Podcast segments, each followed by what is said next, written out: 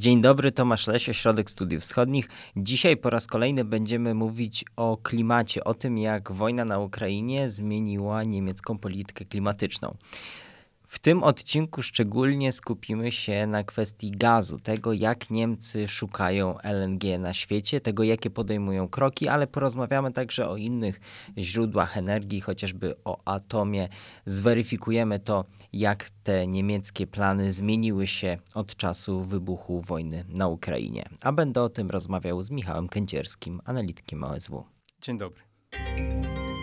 To jest podcast Ośrodka Studiów Wschodnich. Música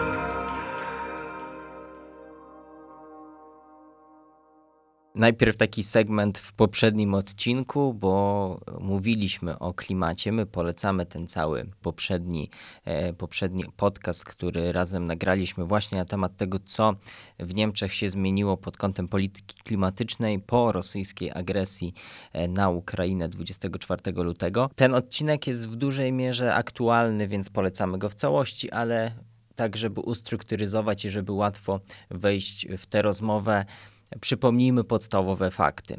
Po rosyjskiej agresji, e, po tym 24 lutego, dużo mówiło się o zmianach w niemieckiej polityce klimatycznej i, jak rozumiem, można je spuentować tym, że Niemcy nie zmienili kierunku, oni po prostu przyspieszyli. Może mówiono nie tyle o zmianach w polityce klimatycznej, co w, police, co w polityce energetycznej, dlatego, bo faktycznie wojna na Ukrainie i też wcześniejsze działania Rosji, zwłaszcza na rynku gazu, powodowały stopniową zmianę postrzegania Rosji jako partnera w polityce energetycznej, jako partnera w handlu surowcami właśnie w Berlinie. Ta zmiana zaczęła się już jesienią ubiegłego roku, kiedy między innymi Gazprom zaczął opróżniać należące do niego magazyny gazu w Niemczech, ograniczał E, przesył e, surowca, e, handel tym surowcem na giełdzie, czym podbijał ceny tego surowca w Europie, w tym właśnie w Niemczech, prowadząc do, do wzrostu inflacji do, do zwiększania się cen zarówno gazu, jak i energii elektrycznej w Niemczech, co z kolei rodziło bardzo poważne problemy natury społecznej i politycznej, czego konsekwencje już Niemcy ponoszą, a będą ponosić jeszcze większe jesienią e, tego roku, kiedy rachunki jeszcze bardziej będą wzrastać. I te, ta polityka e, gazowa e, Gazpromu, motywowana oczywiście politycznie przez Moskwę, i potem wybuch wojny już doprowadziły do, do faktycznie głębokiej rewizji spojrzenia Berlina na tą współpracę gazową, współpracę energetyczną z Rosją.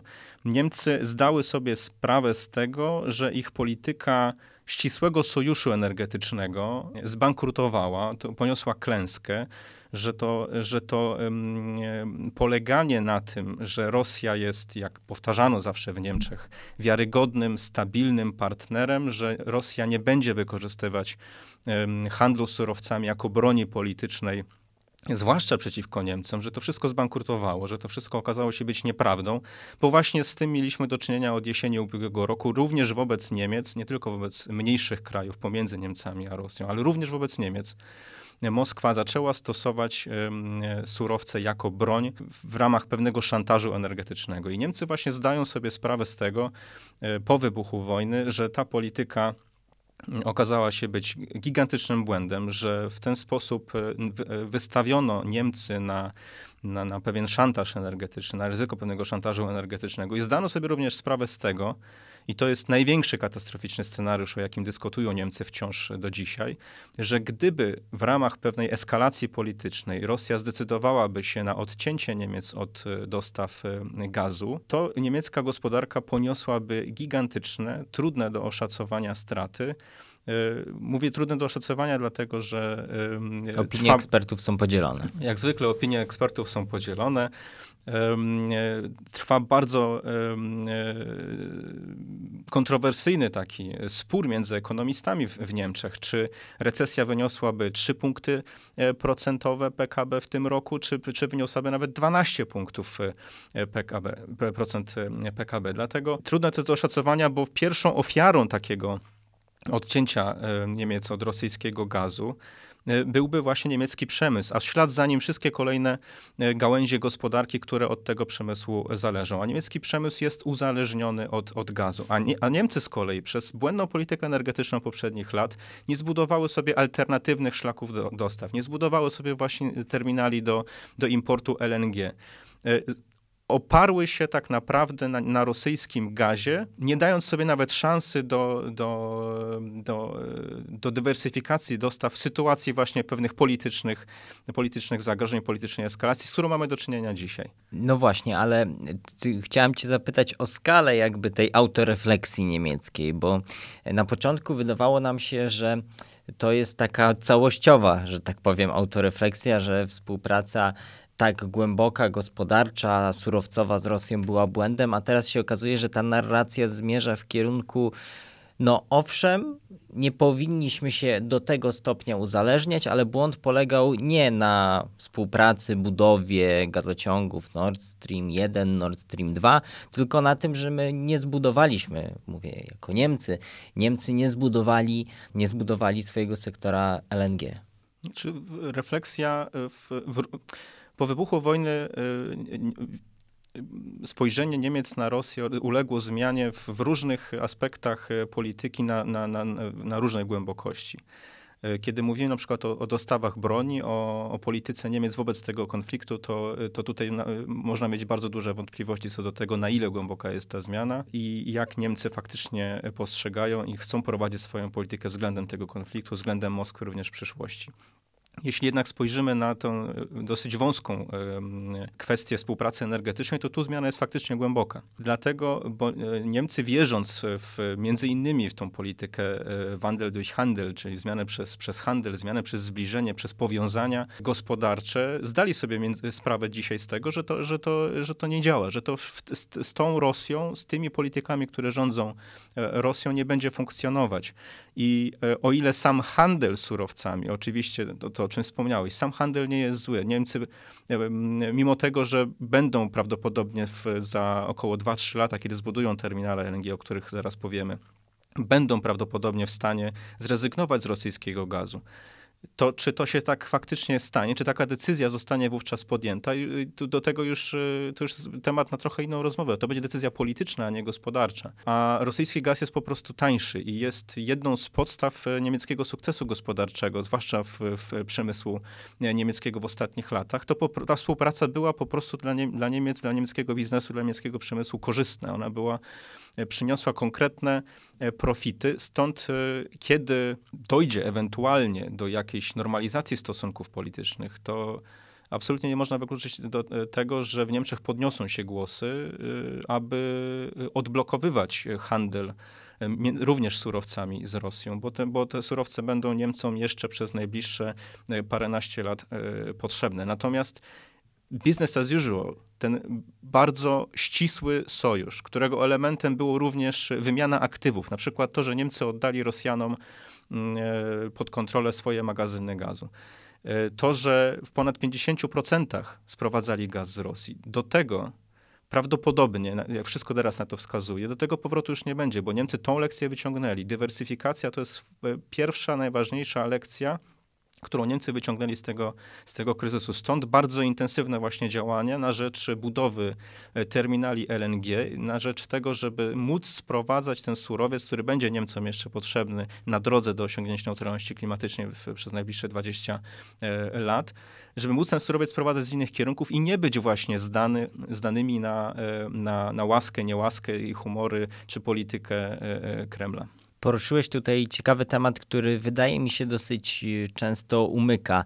To znaczy udział Rosji w niemieckim sektorze energetycznym, ale nie rozumiany tylko jako po prostu kupno surowców, a ten powiedzmy udział w strukturze własnościowej.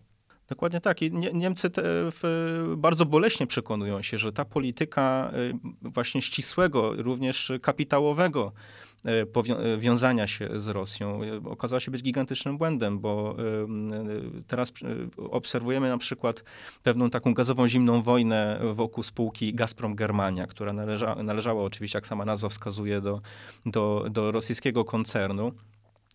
ta spółka w swojej strukturze posiadała między innymi firmy zajmujące się dystrybucją gazu w Niemczech i to bardzo pokaźnym, bo około 20% jak się szacuje udziałem w niemieckim rynku gazu. W swojej strukturze ma spółkę Astora, która właśnie zarządza magazynami gazu w Niemczech. E, I to w tym największym niemieckim magazynem gazu, który sam odpowiada za około 1 piątą pojemności niemieckich magazynów. E, I ten właśnie magazyn e, stał się jednym z symboli tej, tej niemieckiej zależności energetycznej od, Niem od, od Rosji bo ten magazyn został ubiegłego lata opróżniony praktycznie do zera i przez całą zimę, co jest ewenementem w, w, na, na, skalę rynkową, przez całą zimę nie został e, napełniony, nie został, przed zimą nie został napełniony i do dzisiaj tak jest, że jego napełnienie nie przekroczyło 10% od ponad roku. E, to jest ewidentny dowód na to, że Rosja wykorzystywała właśnie te powiązania kapitałowe, tą kontrolę nad pewnymi bardzo ważnymi e, elementami niemieckiej energetycznej infrastruktury krytycznej do tego, żeby wywoływać presję polityczną, bo Niemcy, kiedy już zdali sobie sprawę z tego, że że ten magazyn największy w Niemczech, ale też pozostałe znajdujące się w strukturze Gazpromu, nie będą wypełnione e, odpowiednio przed zimą, naprawdę, y, to już w grudniu, w styczniu y, ta dyskusja była bardzo żywa w Niemczech, czy Niemcom, aby, aby nie zbraknie gazu, jeśli zima okaże się być mroźna. Na szczęście dla Niemców zima nie była mroźna, była bardzo łagodna, co im tak naprawdę uratowało skórę, bo, bo gdyby okazało się, że zima byłaby długa i mroźna, to naprawdę istniało realne niebezpieczeństwo, że w marcu Niemcom zabraknie gazu. I to jest właśnie efekt tej, e, tej błędnej, e, szaleńczej wręcz polityki oddawania aktywów mm, e, bardzo istotnych aktywów w branży energetycznej Rosjanom. Oczywiście nie robili tego za darmo, bo w zamian dostawali udziały w złożach rosyjskich na, na Syberii. Mm, e, no, ale w, ta, ta zależność, w, którą Niemcy wierzyli, że ona jest obopólna i w związku z tym jest bezpieczna, jeśli jedna strona zależy wzajemnie od drugiej, okazała się być e, w, w rzeczywistości jednostronna, bo Niemcy byli o wiele bardziej narażeni na, na, na skutki ewentualnego zerwania tej, tej, e, tej, tej współpracy niż, niż, niż Rosja. Naiwne pytanie. Ktoś poniesie za to konsekwencje osobowo w Niemczech za tego typu decyzje? Być może gdyby y, kanclerzem wciąż była Angela Merkel i na stanowiskach wciąż pozostawaliby politycy, którzy prowadzili y, głównie po 2015 roku tą politykę jeszcze głębszego zacieśniania współpracy, być może byłaby taka presja, tak jak współcześnie jest wywoływana pewna presja polityczna na Manuelę Schwesich. To jest pani premier Mecklenburgii Pomorza Przedniego, która była E, jedną z najbardziej zagorzałych zwolenniczek Nord Streamu II i współpracy e, z Rosją e, która wciąż pozostaje na stanowisku i wobec niej faktycznie wywoływano bardzo silną presję w opinii publicznej na, na ustąpienie. Ale nawet w tym przy, przypadku presja nie okazała się być na tyle duża, na tyle skuteczna, żeby zmusić panią premier do, do ustąpienia. Wciąż pozostaje na stanowisku i i nic na, nie wskazuje już na to, że, żeby coś tutaj się miało zmienić. E, chyba, że komisja śledcza powołana w Landtagu Mecklenburgii Pomorza Przedniego coś e, nowego ujawni, co, co na tyle obciąży e, tę panią polityk, że, że zostanie zmuszona do ustąpienia, ale na razie nic na to, na razie nic na to nie wskazuje. A politycy, którzy obecnie są w rządzie federalnym, w znakomitej większości są politykami, którzy w poprzednim rządzie nie, nie zasiadali. W związku z tym ciężko jest ich powiązać bezpośrednio z odpowiedzialnością za, za decyzje podejmowane przed, przed kilkoma laty, a to właśnie 2015-2016 rok to jest ten okres, kiedy Niemcy podejmowały decyzję o wchodzeniu w, w projekt Nord Stream 2, podejmowały decyzję o zgodzie na, na wymianę aktywów strategicznych właśnie w branży energetycznej. I to są te błędy, które się zaczęły mścić e, w ostatnich latach. A z kolei w, w projekty terminali LNG, które już pojawiały się przecież w, w poprzedniej kadencji e, Bundestagu, kiedy jeszcze rządziła Angela Merkel, one były wspierane, ale tak bardzo płytko, bardzo powierzchownie.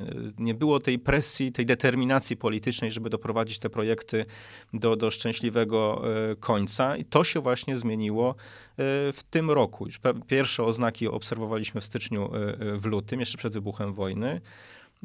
to była właśnie reakcja na, na działalność Gazpromu na rynku gazu, a już po wojnie mamy do czynienia z, z absolutnie niespotykalną w, w najnowszej historii Niemiec determinacją w forsowaniu projektów Mm, energetycznych, właśnie głównie tutaj mam na myśli terminale LNG. I co ciekawe, robi to polityk e, Partii Zielonych, która jeszcze e, do wyborów szła z hasłami takimi, żeby absolutnie żadnej nowej infrastruktury do przesyłu paliw kopalnych nie tworzyć, wręcz przeciwnie, jak najszybciej stawiać na odnawialne źródła energii a, a zużycie gazu jak najszybciej redukować. A teraz ten sam polityk, mam na myśli tutaj Roberta Habecka, ministra gospodarki i ochrony klimatu, wicekanclerza, Teraz ten polityk jeździ po świecie e, w poszukiwaniu źródeł, nowych źródeł gazu skroplonego dla Niemiec. Jeździ do Kataru, który, który zieloni krytykowali między innymi właśnie załamanie praw człowieka. Teraz ten polityk wychodzi na, na mównicę e, w Bundestagu, czy wychodzi na, na spotkaniach z wyborcami e, na, na, różnych placach w niemieckich miastach i przekonuje do tego, że Niemcy potrzebują terminali LNG. No, to trzeba sobie naprawdę uświadomić, że jeszcze 3-4 miesiące temu coś takiego byłoby nie do pomyślenia, a teraz Zieloni są właśnie tą partią i ten polityk, Robert Habeck, jest, jest, jest, jest tą postacią w niemieckim rządzie, który najbardziej forsuje teraz tą dywersyfikację, y, dążąc właśnie do y, i, i to trzeba oddać z pewnymi sukcesami, z pewną determinacją i konsekwencją do tego, żeby te projekty zostały skutecznie doprowadzone do końca. Tutaj mam na myśli nie tylko poszukiwanie polityczne, takie flankowanie, wsparcie polityczne w zawiązywaniu kontraktów na dostawę LNG, ale też tworzenie ram prawnych, które między innymi wyłączają badanie wpływu na środowisko tych, tych tych terminali LNG. To znaczy? To znaczy, każda, każda budowa każdej nowej infrastruktury, zwłaszcza takich obiektów jak, jak terminal LNG, wymaga zbadania wpływu na środowisko. Oczywiście taka procedura trwa. Ona, ona zabiera bardzo cenny czas, a Niemcom zależy teraz na czasie. Czyli czekaj, czy, czy dobrze rozumiem, że jeden z czołowych polityków partii Zielonych, wicekanclerz z ramienia tej partii, ogranicza te, te, te badania środowiskowe? Dokładnie tak. Polityk Zielonych ogranicza y, procedury dotyczące badania wpływu na środowisko, infrastruktury do sprowadzania paliw kopalnych. To naprawdę jest coś, co jest taki y, fikołek, którego nikt nie mógł sobie wyobrazić jeszcze parę miesięcy temu. To jest na, to naprawdę, to jest rzecz niespotykana i żeby było jeszcze śmieszniej, to Niemcy to doceniają, w tym wyborcy Partii Zielonych, dlatego, bo Habeck jest teraz jednym z najbardziej, z dwójki najbardziej popularnych polityków w Niemczech, obok Annaleny Baerbock, też, polity, też polityka Partii Zielonych a z kolei Partia Zielonych y, w sondażach teraz zajmuje drugie miejsce, wyprzedziwszy y, socjaldemokratów, partię kanclerza Scholza. Także wyborcy, swojej masie oczywiście, popierają tę politykę. Docenili zdając... ten pragmatyzm. Dokładnie. To jest, to jest coś, o co Zieloni nie byli wcześniej posądzalni, czyli właśnie pragmatyzm rządzenia. Bo o ile polityka klimatyczna, tematyka zmian klimatu jest w Niemczech wciąż bardzo obecna i istotna. Niemcy o tym bynajmniej nie, nie zapomnieli, e, ani w debacie publicznej, ani w działaniach. To jest kierunek, który absolutnie pozostaje aktualny. E, natomiast e, wojna wywołała pewną zmianę priorytetów w debacie i kwestia bezpieczeństwa dostaw energii, bezpieczeństwa energetycznego w obecnych realiach, również to pokazują sondaże, jest stawiana nieco wyżej niż, niż kwestie klimatyczne. To znaczy Niemcy, którzy popierają Energiewende, popierają transformację energetyczną i politykę klimatyczną jako koncepcję, jako kierunek e, zmian, e, jednocześnie e, popierają działania Habecka, które między innymi, które de facto na, na tej ścieżce do neutralności klimatycznej są pewnym krokiem w bok. Nie są krokiem być może w tył, ale są pewnym krokiem w bok. I tak to jest też przedstawiane. Zobaczymy, jak to potem rozwinie się w przyszłości, bo teraz mamy właśnie do czynienia z taką sytuacją, że e, gazu w niemieckiej energetyce zużywa się mniej. To jest efekt e, czysto rynkowy, dlatego, bo gaz jest tak drogi, że elektrownie węglowe są po prostu e, bardziej konkurencyjne na rynku. Ale w ślad za tym, że więcej energii jest produkowane e, z węgla, będą rosły emisje. I, I, tego Niemcy są świadome, że w tym roku i prawdopodobnie jeszcze w 23 i jeszcze w 24 emisje będą o wiele wyższe niż e, zakładają to modele i również założenia ustawowe, bo Niemcy przyjęły dwa lata temu taką ustawę, która na każdy rok daje pewien limit e, emisji. Jeśli ten limit zostanie przekroczony, jeśli gospodarka wyemituje więcej niż, niż wskazuje na to ustawa, to poszczególne resorty muszą przedstawiać pewne programy naprawcze, jak można potem nadrabiać te zaległości, czyli przyspieszać redukcję emisji i Niemcy będą musiały sobie z tym e, problemem e, e, poradzić, bo te emisje niechybnie w najbliższym okresie wzrosną. To opowiedz jeszcze proszę więcej o tych sukcesach i staraniach w niektórych pewnie obszarach nie sukcesach, a próbach działań kanclerza, wicekanclerza Habeka. Rozbijmy to może trochę na czynniki pierwsze. Czym już w tej misji którą zlecił mu pewnie także kanclerz Scholz. E, czym już może się kanclerz, wicekanclerz Habeck pochwalić?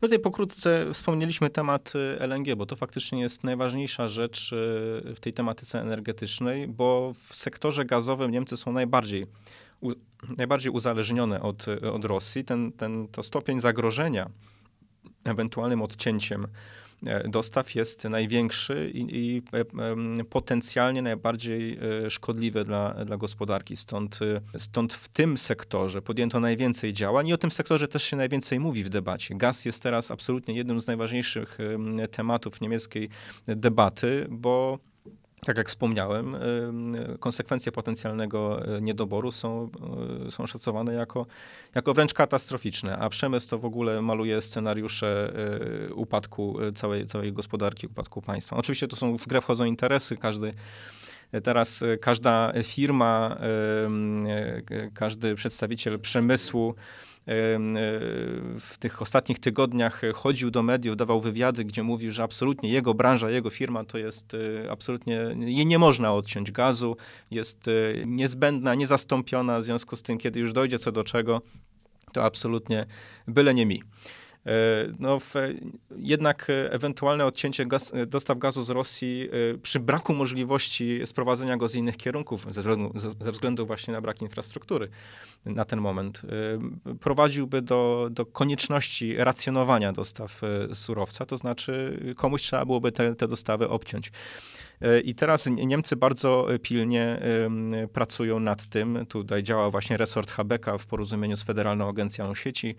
To jest niemiecki regulator e, w, w energetyce w porozumieniu również z poszczególnymi branżami, wypracowują zasady, kryteria, na podstawie których e, w przypadku wystąpienia niedoboru surowca na, jaki, na jakiej podstawie wyłączane byłyby, czy ograniczane byłyby dostawy gazu do poszczególnych, e, do poszczególnych e, odbiorców. E, w pierwszej kolejności przemysłowych, dopiero na końcu ewentualnie dotknięte takim, taką sankcją, takim, taką, takim racjonowaniem dostaw byłyby gospodarstwa domowe, czy, czy, czy na przykład szpitale. Ale LNG, bo, bo od tego żeśmy, żeśmy wyszli. Na początku maja Habek, znaczy przy, Habek podpisał e, umowę na wydzierżawienie czterech pływających e, jednostek do regasyfikacji i magazynowania gazu skroplonego. To jest w, w branży mówi się na to FSRU z, z, angielskiego. Chodzi o takie pływające jednostki, które bardzo łatwo jest w stosunkowo krótkim czasie w porównaniu ze stacjonarnymi terminalami, takimi jak w Świnoujściu. E, to są taką pływającą jednostkę można stosunkowo szybko podłączyć e, do sieci i do tej jednostki sumują potem e, gazowce, które przypływają razem z, z, tym surowcem. I za pośrednictwem tej pływającej, tego pływającego gazoportu można wtłaczać gaz LNG do, do sieci. Niemcy, Czyli taki mini gazoport, powiedzmy, taki, mobilny. Taki mobilny gazoport, dokładnie. Niemcy wydzierżawiły na okres od 7 do 10 lat cztery takie jednostki, które pozwolą im, kiedy wszystkie zostaną podłączone do sieci, a ma to nastąpić, pierwsze dwie jednostki mają być podłączone zimą, naj, najbliższej zimy, prawdopodobnie jeszcze do końca tego roku, a dwie następne wiosną 2023 roku. Te cztery y, pływające gazoporty mają umożliwić Niemcom sprowadzanie 30 y, miliardów metrów sześciennych gazu rocznie. A to w połączeniu z innymi możliwościami sprowadzania większej ilości gazu z Norwegii, z Holandii, za pośrednictwem również gazoportów w krajach ościennych, y, umożliwiłoby właśnie w 2024 roku Niemcom pełną rezygnację z rosyjskich dostaw. Wówczas e, nawet decyzja o embargu e, ze strony Unii czy ewentualna polityczna decyzja ze strony Moskwy o odcięciu e, dostaw nie, mia, nie, nie, nie niosłaby praktycznie dla niemieckiej gospodarki poważnych e, konsekwencji. To byłyby tylko konsekwencje natury wzrostu cen, ale one też byłyby stosunkowo ograniczone. A gaz skąd? A gaz, właśnie, bo to jest bardzo ważne, to jest bardzo ważny aspekt. Niemcy e, teraz bardzo um, um, udało im się w stosunkowo krótkim czasie zabezpieczyć um, właśnie te cztery gazoporty, muszą jeszcze pod, podpiąć do sieci. Realizowane są też trzy stacjonarne terminale LNG, które będą dostępne w nieco późniejszym okresie, prawdopodobnie w 25-26 roku, takie są, takie są szacunki, ale skądś ten gaz musi przypłynąć. I stąd właśnie Habek y, praktycznie regularnie y, podróżuje do różnych y, krajów, które mogą eksportować LNG. E, aby politycznie e, tworzyć e, podstawy do tego, żeby, żeby koncerny energetyczne mogły zawierać umowy na takie dostawy.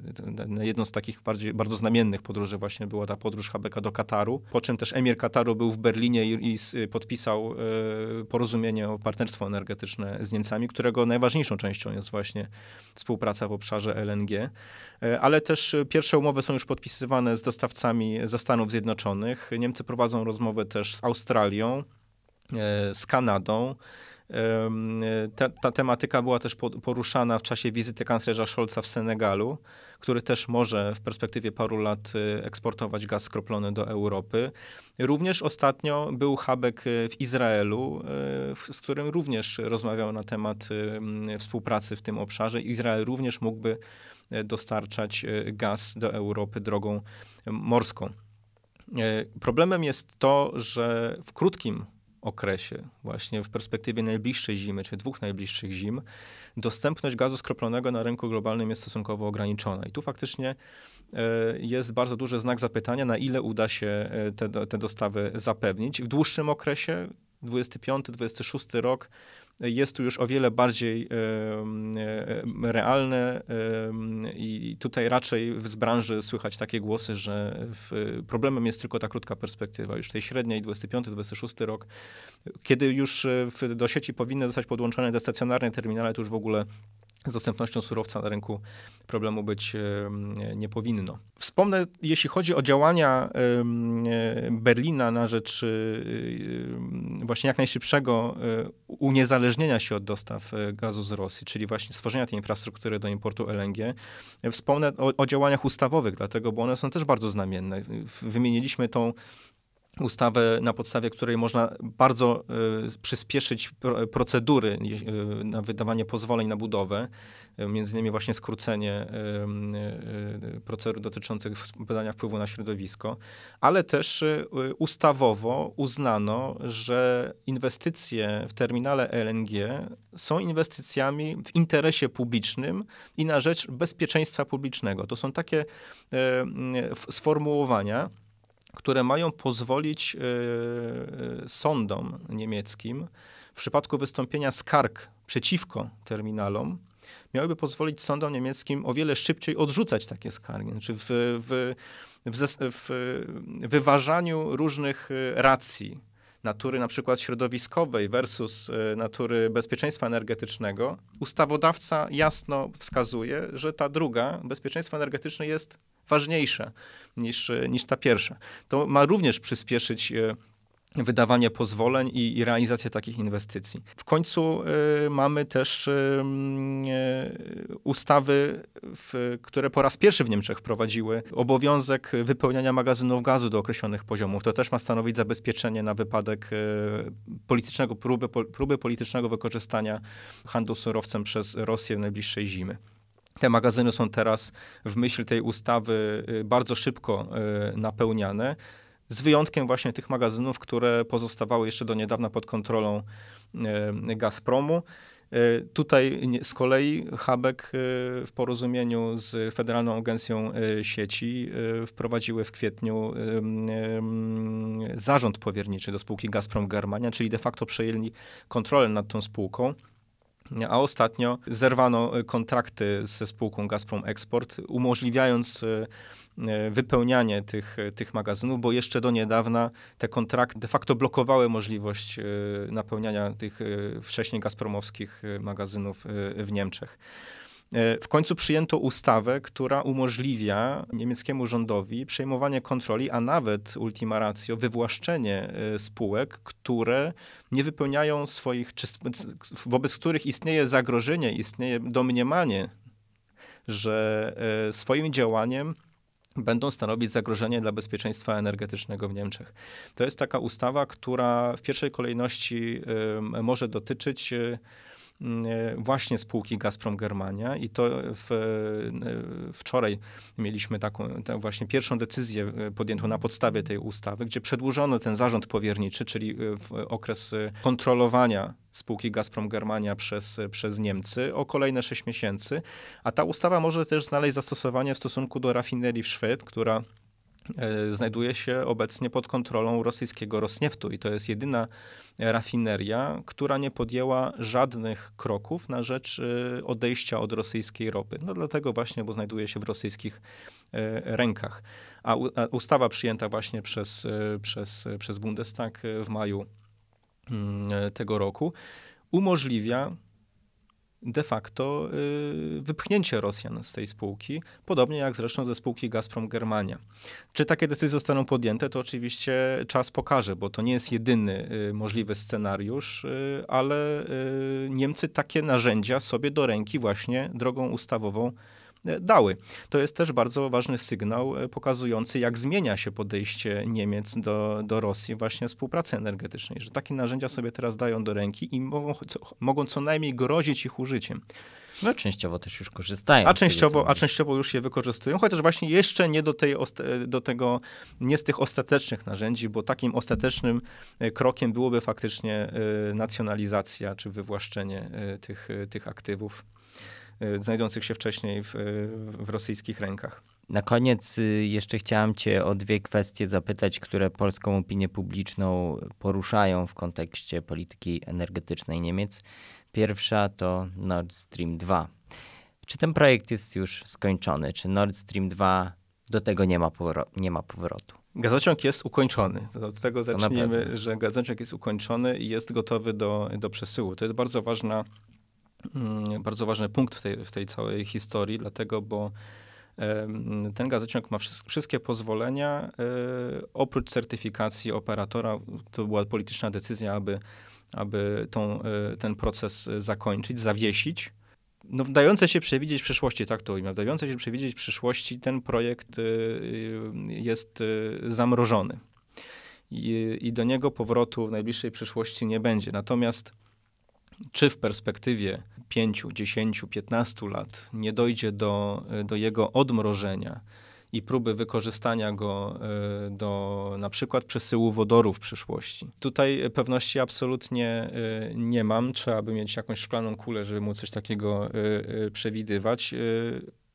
Tak, wydaje się, zależy od czynników politycznych. To dokładnie, zależy od, od tego, jak się będzie rozwijać sytuacja polityczna i czy dojdzie do jakiejś, do jakiejś normalizacji relacji między, między Rosją a, a Niemcami, czy szerzej Unią Europejską, jak zakończy się konflikt na, na Ukrainie i w końcu jaka będzie władza w Rosji, dlatego, bo, e, bo z, tą, e, z tymi elitami rosyjskimi, które są teraz e, na Kremlu, Niemcom będzie nawet w przyszłości trudno współpracować, bo gdzieś ta, ta nić porozumienia współpracy właśnie w tym obszarze energetycznym została, no jeśli nie zerwana, to bardzo, bardzo, bardzo nadwyrężona.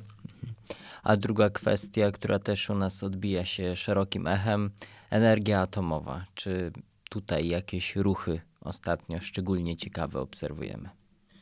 Na samym początku y, wojny Rosji przeciwko Ukrainie pojawiło się pewne, pewne okienko możliwości, tak to, tak to ujmę. Wówczas niemiecki rząd zapowiedział zbadanie, czy przedłużenie funkcjonowania ostatnich trzech elektrowni jądrowych niemieckich jest potrzebne, jest niezbędne. E, wówczas przetoczyła się przez niemiecką opinię publiczną debata na temat e, tego, czy pozostawić te e, elektrownie jądrowe w sieci, czy też nie. Pojawiły się też sondaże, które wskazywały pewną zmianę w nastrojach. Po raz pierwszy od kilkunastu lat liczba zwolenników energetyki jądrowej była wyższa niż, niż, niż odsetek przeciwników. Mm, ale ekspertyza zlecona przez resorty gospodarki, ochrony klimatu i środowiska, czyli resorty kierowane przez zielonych, wykazała, że potencjalne korzyści są mniejsze niż e, koszty i, i ryzyka z tym związane. To oczywiście jest e, w pewnym, w pewnym stopniu argumentacja stojąca za, za tą decyzją jest, jest zrozumiała, ale w pewnym e, sensie jest to, e, w pewnej części jest to oczywiście decyzja czysto polityczna, dlatego że e, Zieloni od początku tej, od początku tej wojny i tak wykazali się daleko idącym pragmatyzmem, o czym żeśmy wcześniej rozmawiali to już krok byłby za daleko. To znaczy, trzeba sobie uświadomić, że y, sprzeciw wobec energetyki jądrowej jest absolutnym fundamentem e, kamieniem węgielnym y, leżącym u podstaw powstania y, Partii Zielonych i środowisk ekologicznych w Niemczech. I Zieloni nie byli absolutnie gotowi na to, żeby ten fundament podważać. To było dla nich no-go i takim, i takim pozostało. To znaczy, przez jakiś czas wydawało się, że ta debata jest toczona na serio. Do głosu dochodziły też bardzo silnie mm, środowiska popierające energetykę jądrową.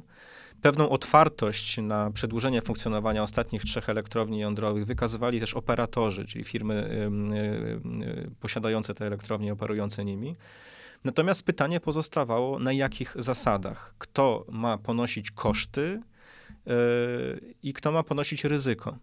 I co do tego yy, absolutnie nie, nie doszło do, do jakiegokolwiek porozumienia. Dosyć szybko ten temat został ucięty. I, i teraz y, mogę z dużą dozą pewności powiedzieć, że ten temat jest już, został zamknięty. Ostatnio już nawet operatorzy elektrowni jądrowych, tych ostatnich trzech, publicznie wypowiadają się, że ten temat jest już zamknięty. Stąd wydaje się, że, że, że te ostatnie trzy elektrownie zostaną z końcem roku planowo wygaszone. Co prawda, wciąż pojawiają się pewne wrzutki medialne, zwłaszcza ze strony polityków Hadecji i polityków FDP, liberałów, że warto o tym jeszcze trochę podyskutować, ale to są deklaracje, takie wrzutki czysto polityczne, dlatego e, odpowiadające zapotrzebowaniu części elektoratu. E, tu też warto sobie uświadomić, że akurat elektorat Hadeków i liberałów i politycy tych partii nigdy nie mieli ideologicznego nastawienia względem energetyki jądrowej. To były te partie i ci wyborcy, którzy najprędzej zaakceptowaliby e, przedłużenie ich funkcjonowania. Stąd partie mówią do swoich elektoratów to, co te elektoraty chcą chciałyby de facto usłyszeć, to w debacie nic, y, y, nic nie zmienia.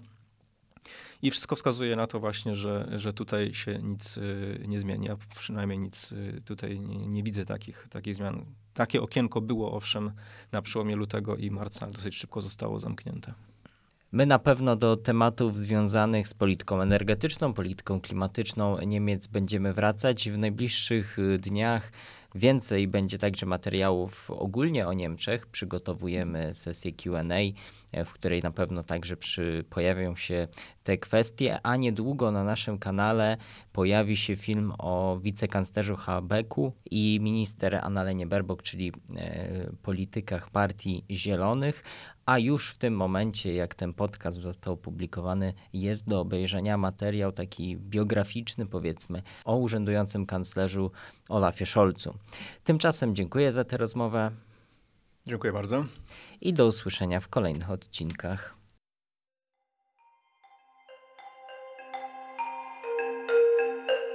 Wysłuchali Państwo podcastu Ośrodka Studiów Wschodnich. Więcej nagrań można znaleźć na stronie www.osw.waw.pl.